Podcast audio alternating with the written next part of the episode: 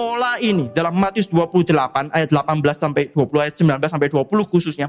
Inilah rupanya yang dilakukan oleh Paulus dan Barnabas di dalam pelayanan misi mereka.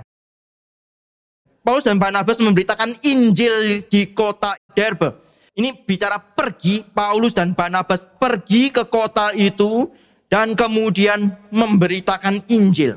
Setelah memberitakan Injil, apa yang terjadi? Memperoleh banyak murid. Bukan cuma orang-orang itu menjadi percaya, tapi Paulus dan Barnabas memuridkan mereka. Setelah memuridkan mereka, mereka kembali ke Listra, Iconium, dan Antioquia. Ini adalah kota-kota yang dikunjungi sebelumnya. Di tempat itu, di Listra, Iconium, dan Antioquia, mereka menguatkan hati murid-murid itu. Menasehati mereka. Ini menggembalakan. Paulus dan Barnabas itu menggembalakan orang-orang yang sudah diinjili orang-orang yang dimuridkan supaya mereka bertekun dalam iman, supaya mereka terus boleh mengerjakan kehendak Tuhan. Dan kemudian mereka juga memberikan satu hal yang gak enak. Untuk masuk ke dalam kerajaan Allah, kita harus mengalami banyak sengsara. Jika Kristus mengatakan, kamu mau ikut aku? Kalau engkau mau ikut aku, sangkal diri, pikul salib, baru ikut. Paulus melakukan yang sama. Paulus katakan untuk kita bisa masuk ke dalam kerajaan Allah, kita harus mengalami banyak sengsara. Satu gereja yang masih baru sudah dikasih satu warning akan ada kesulitan yang harus kamu tanggung.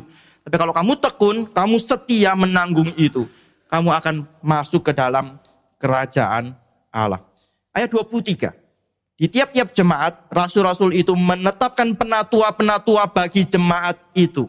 Mereka memilih orang-orang yang mereka melihat bisa dipercaya. Adalah orang-orang yang mencintai Tuhan, yang mencintai jemaat, yang diberi karunia pelayanan oleh Tuhan. Paulus dan Barnabas tidak bisa selama-lamanya ada di kota-kota itu. Mereka harus mengatakan selamat tinggal. Kami harus pergi ke tempat lain.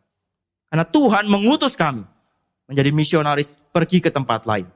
Kamu kerjakan dengan tekun iman. Pelihara dengan tekun anugerah Tuhan yang sudah ada padamu. Bertumbuhlah, kerjakan seluruh kehendak Tuhan. Tanggunglah sengsara salib yang memang harus kamu tanggung sampai selesai. Ini yang dilakukan oleh Paulus dan Barnabas. Ini misi Kristen. Dan kalau kita bandingkan dengan tadi Matius pasal yang ke-28, kita bisa lihat yang sama kan ya. Paulus pergi ke kota-kota itu. Jadikan semua bangsa muridku Paulus pergi bukan cuma memberitakan Injil, tapi Paulus minta mereka untuk punya satu komitmen menjadi seorang murid, mengikut Tuhan sampai selesai sampai akhir. Kemudian baptislah mereka, itu bicara ada satu gereja. Baptislah mereka dalam nama Bapa, Anak, dan Roh Kudus dan ajar mereka melakukan segala sesuatu yang kuperintahkan kepadamu. Paulus itu menasehati orang-orang di tiga kota ini, di Listra, Iconium, dan Antioquia.